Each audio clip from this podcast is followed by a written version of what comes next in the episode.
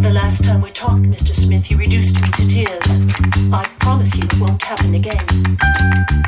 Do I attract you? Do I repulse you with my queasy smile? Am I too dirty? Am I too flirty? Do I like what you like? I could be wholesome, I could be loathsome, guess I'm a little bit shy. Why don't you like me? Why don't you like me without making me try? I try to be like Grace Kelly, but all her looks were too sad. Little Freddie. Mm, I've got an entity mind.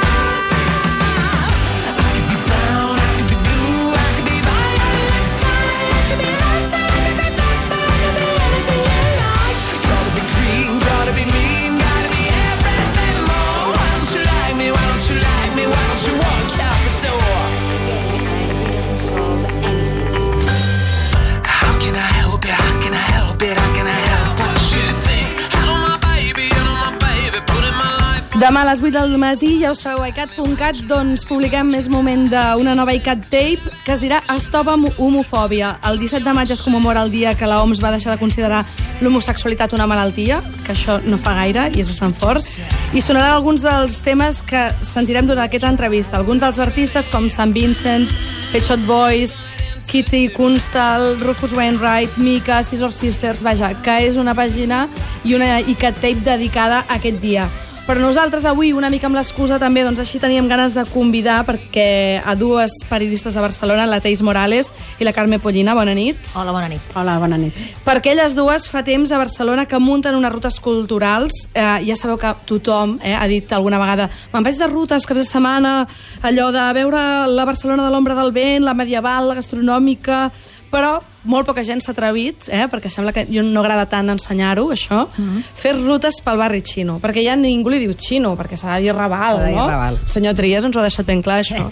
I, vaja, les nostres convidades ho han fet, han dissenyat una ruta plena d'històries, anècdotes, personatges sorprenents que recorren el Raval per explicar la realitat del moviment LGBT, però també per jo crec totes les persones que tinguin mínim, mínim interès per la seva ciutat, perquè aquesta nit parlarem de coses que no es podríeu ni imaginar, de personatges i de coses ben curioses que passem per davant i que no en fem cap cas.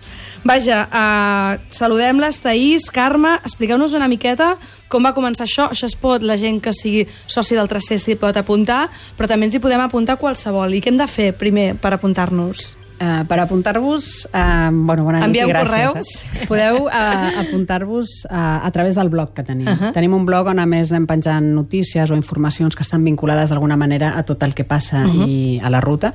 I el blog és uh, lgtb... No, lgtbarcelona.wordpress.com. Ara el penjarem al Facebook del programa Perfecte. perquè la gent doncs, s'apunti, tothom que ho vulgui, però anem a pans. Uh, per què vau impulsar aquesta ruta? Per la necessitat de, de, doncs, de fer palès això, de que faltava aquesta part, que no només s'havia de parlar de la Barcelona guai que ven milions de llibres, sinó que també hi ha una història amagada del carrer, no? Sí, perquè tant la Tais com jo doncs, som una mica usuàries no, de rutes. Jo n'he fet moltes per Barcelona. He fet la ruta dels Masons, la ruta del Call Jueu, i dius, ostres... I la gran història doncs, sempre sembla que, que s'oblida una mica no? d'aquests mm -hmm. petits eh, col·lectius que sempre han patit o han estat amagats o invisibilitzats o fins i tot discriminats. Mm -hmm. no? I vam dir, home... Si, so- I si s'expliquen sempre com una anècdota. Exactament, no? I vam dir, bé, ja que la gran història ja està escrita, anem a buscar petites històries no? que, que puguin interessar, doncs, eh, que, que, que visibilitzin l'aportació de- que han fet persones LGTB a la història i a l'economia i a la política de- d'aquesta ciutat i, i, i que també deixi clar que, que, que, que tots aquests col·lectius també han existit. I parlar del barri xino no és parlar d'una cosa molt exòtica, és parlar de no fa gaire. De fet, eh, de, des de quan es diu Raval? Jo no ho sé, però em sembla 10 anys, potser? Bueno, un. Vull dir, no gaire més, eh? Primer era el Distrito Quinto. Uh -huh. Sí. Després va ser el barri Chino a partir dels anys 20. Uh -huh. no? Va ser quan... Sí, i el barri xino va començar a desaparèixer l'any 67, Sí. més o menys, quan van obrir l'avinguda... L'Avinguda García Morato. Aleshores van, uh -huh. van començar a construir l'edifici La Torre Colón. La Torre Colón. i a partir d'aquí va ser que no es va començar pues, a obrir el barri, que ho vam fer precisament per això, no? perquè no estigués tan tancat, que s'obrís a la resta de la ciutat i, i a partir d'aquí doncs, va començar a diluir-se el barri xino i, i es va convertir el Raval. No? Mm. Eh, però comencem parlant, per exemple, de personatges que han estat mm, vaja, molt importants perquè vosaltres hàgiu acabat fent aquestes rutes, com per exemple doncs Max Bembo, que va escriure un llibre que es deia La mala vida en Barcelona, igual que hi havia aquells llibres de tunantes, com eren, allò malhechores i Sí, sí, malfactores sí, i tal, que si aneu a llibreries de vell n'hi ha per parar un tren. El Ampa. El Ampa, eh? Sangre en Atarazana. Sí, Exacte, i tot això. Sí. Doncs hi havia un llibre del 1912 que escrit per aquest, uh, per aquest senyor, La mala vida en Barcelona, i què explica aquest llibre? I per què us va fer moure allò, el coquet de fer aquestes... A veure, el llibre, a més, és que té el, el subtítol o la continuació de La mala vida en Barcelona és Anormalitat, misèria i vicio. M'encanta. Té molta encúndia. Al Max el Bembo li agradava tot això o era un senyor El- el que ho denunciava Bembo- amb el dit? El Max Bembo era un pedagog i criminalista. De fet, no es deia Max Bembo, es deia José Ruiz Rodríguez. però clar, si, és, amb un si nom jo em dic així... així també el canvio. Clar, el pobre home va dir, me'l canvio perquè si no mm, ningú creurà el que estic explicant. I llavors ell va fer aquest, aquest llibre on explica eh, a part d'altres vicis de la ciutat, el vici de la homosexualitat, que aquell, aquella època es deia els uranistes. Vale? Abans ell parla de que a Barcelona en aquella època, per exemple, hi havia entre 6.000 i 30.000 uranistes. Els tenia comptats, eh? Imagina. Aquí i també hi ha un ball de xifres, no? com podem veure. Homosexualitat masculina o s'entenia de Masculina, tot? masculina, no? Imagino bàsicament. que la femenina ja era una cosa que... La femenina, és, com sempre al llarg de la història, ha estat invisi- invisibilitzada i pràcticament inexistent, no? En teoria. Vau començar per aquí i llavors, vaja, mm, tot això us va donar doncs, allò, un munt de punts per començar aquesta ruta que eh, comença a principis dels 80. O sigui, vosaltres heu agafat aquesta informació, però esteu parlant de coses que van, parlar, van passar als 80?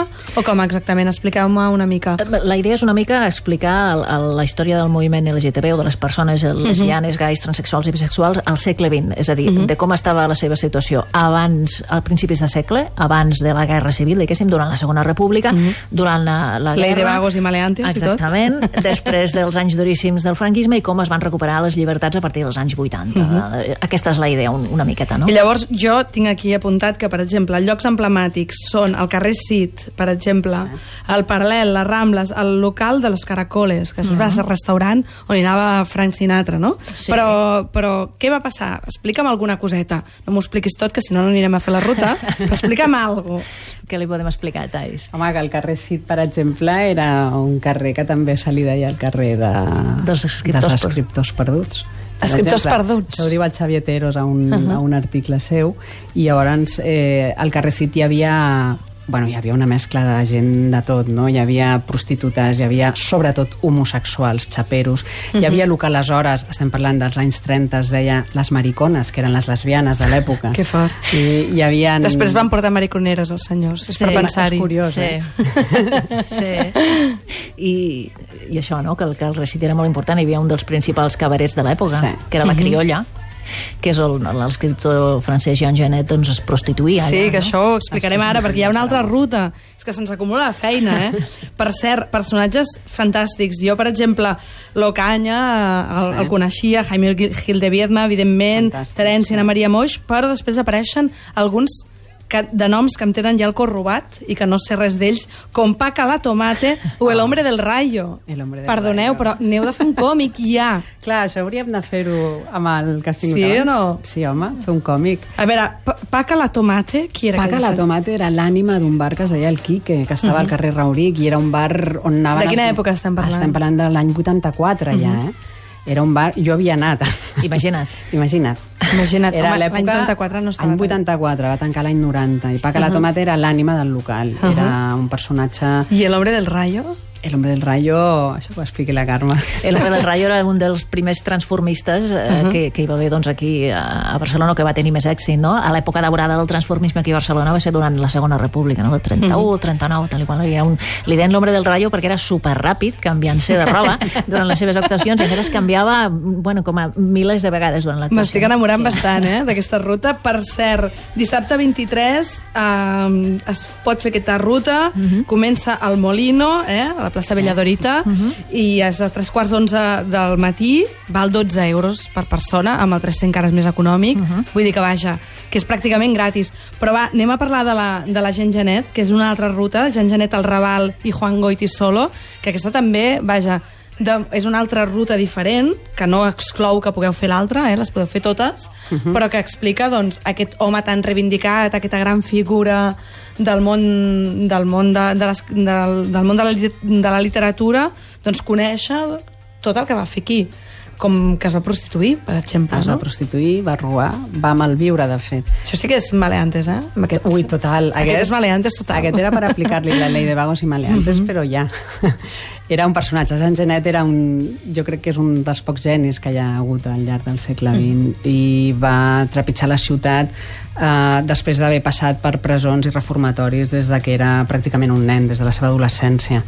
Um, va néixer d'una mare desconeguda, una prostituta, que la va donar amb adopció no, amb adopció no, perdó, la va deixar a una institució pública uh -huh. i va estar fins Sí. als 8 anys a una institució pública.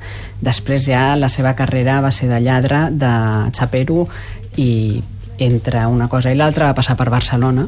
I vosaltres feu una ruta justament per, a Sí. tota, per tots aquests llocs i, per exemple, hi ha eh, doncs, la criolla que, que anomenàveu, bast, eh, an- anomenàveu abans, també la taverna La Mina, que està a Art del Teatre, bueno, tinc apuntat per aquí, eh, no sé, Sí. locals, i també hi havia el prostíbul El luxós, que es deia Madame Petit, El bordel de El Madame bordel Petit. de Madame Petit, sí. i que ara és una casa ocupa, això on és?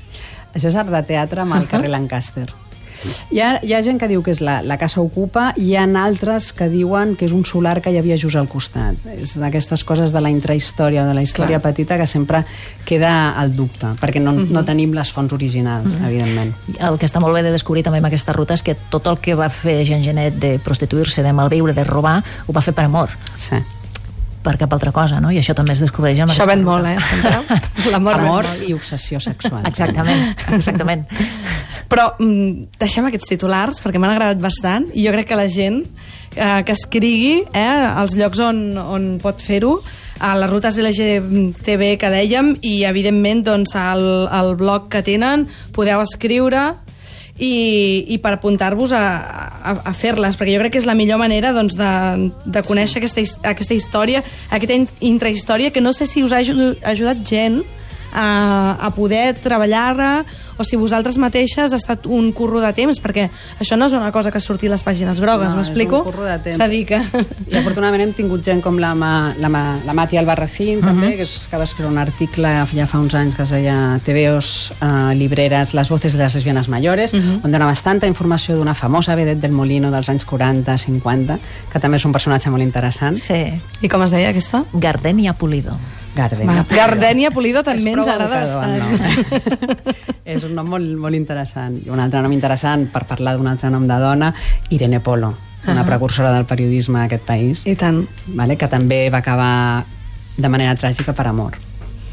Hasta aquí, Leo. Hasta aquí puedo leer. Vaja, per amor, bici, maleantes, eh, gent amb noms com títol El hombre del rayo... Vull dir, jo només per això trobo que val la pena apuntar-se. Per cert, que la- l'altra ruta, la del Jan Janet al Raval i Juan Goiti Solo, serà el dissabte 16 de maig, comença al Teatre Arnau a les 5 de la tarda, dura una hora aproximadament, Sí.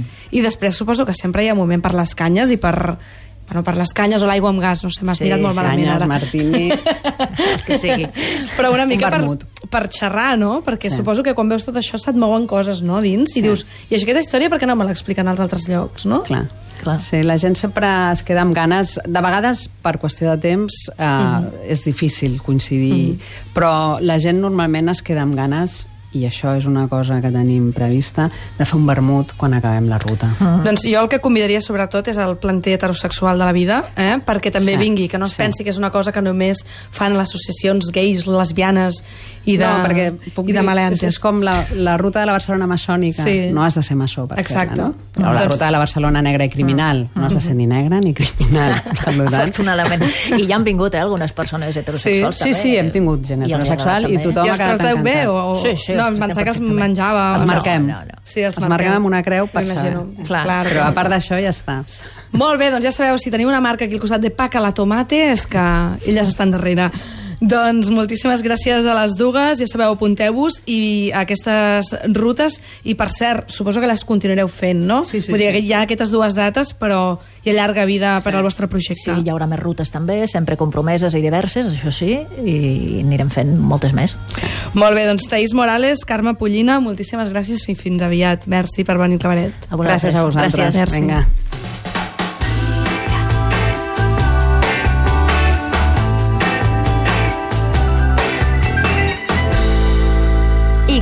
icat.cat